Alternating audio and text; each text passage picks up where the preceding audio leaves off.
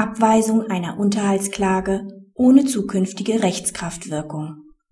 Ein rechtskräftiges Urteil, mit dem eine Klage auf Unterhalt als unbegründet abgewiesen wird, steht einer erneuten Leistungsklage auf Unterhalt nur dann entgegen, wenn das Urteil eine Prognose der künftigen Verhältnisse enthält.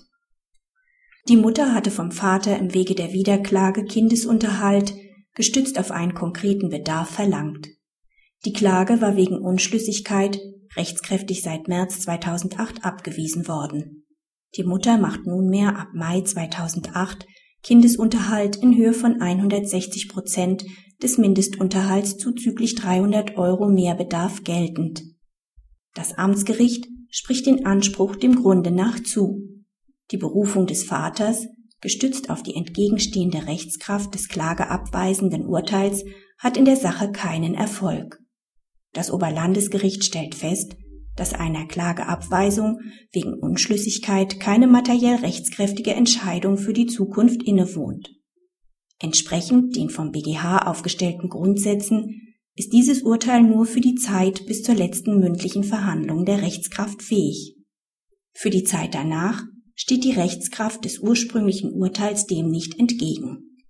Das Oberlandesgericht weist weiter darauf hin, dass der Anspruch nunmehr auf eine andere Rechtsgrundlage gestützt ist, die einen abweichenden Sachvortrag verlangt. Die im Ersturteil bemängelte Darlegung des konkreten Bedarfs spielt im Rahmen der Anspruchsvoraussetzungen der neuen Unterhaltsklage keine Rolle. Praxishinweis ist einem klageabweisenden Urteil ausnahmsweise eine in die Zukunft reichende Wirkung zu entnehmen, entfaltet dieses Rechtskraft, die nur unter den Voraussetzungen einer Abänderungsklage nach 323 ZBU durchbrochen werden kann. Dies kann zum Beispiel dann der Fall sein, wenn Gegenstand des Urteils eine Abänderungsklage gegen einen Unterhaltsvergleich ist.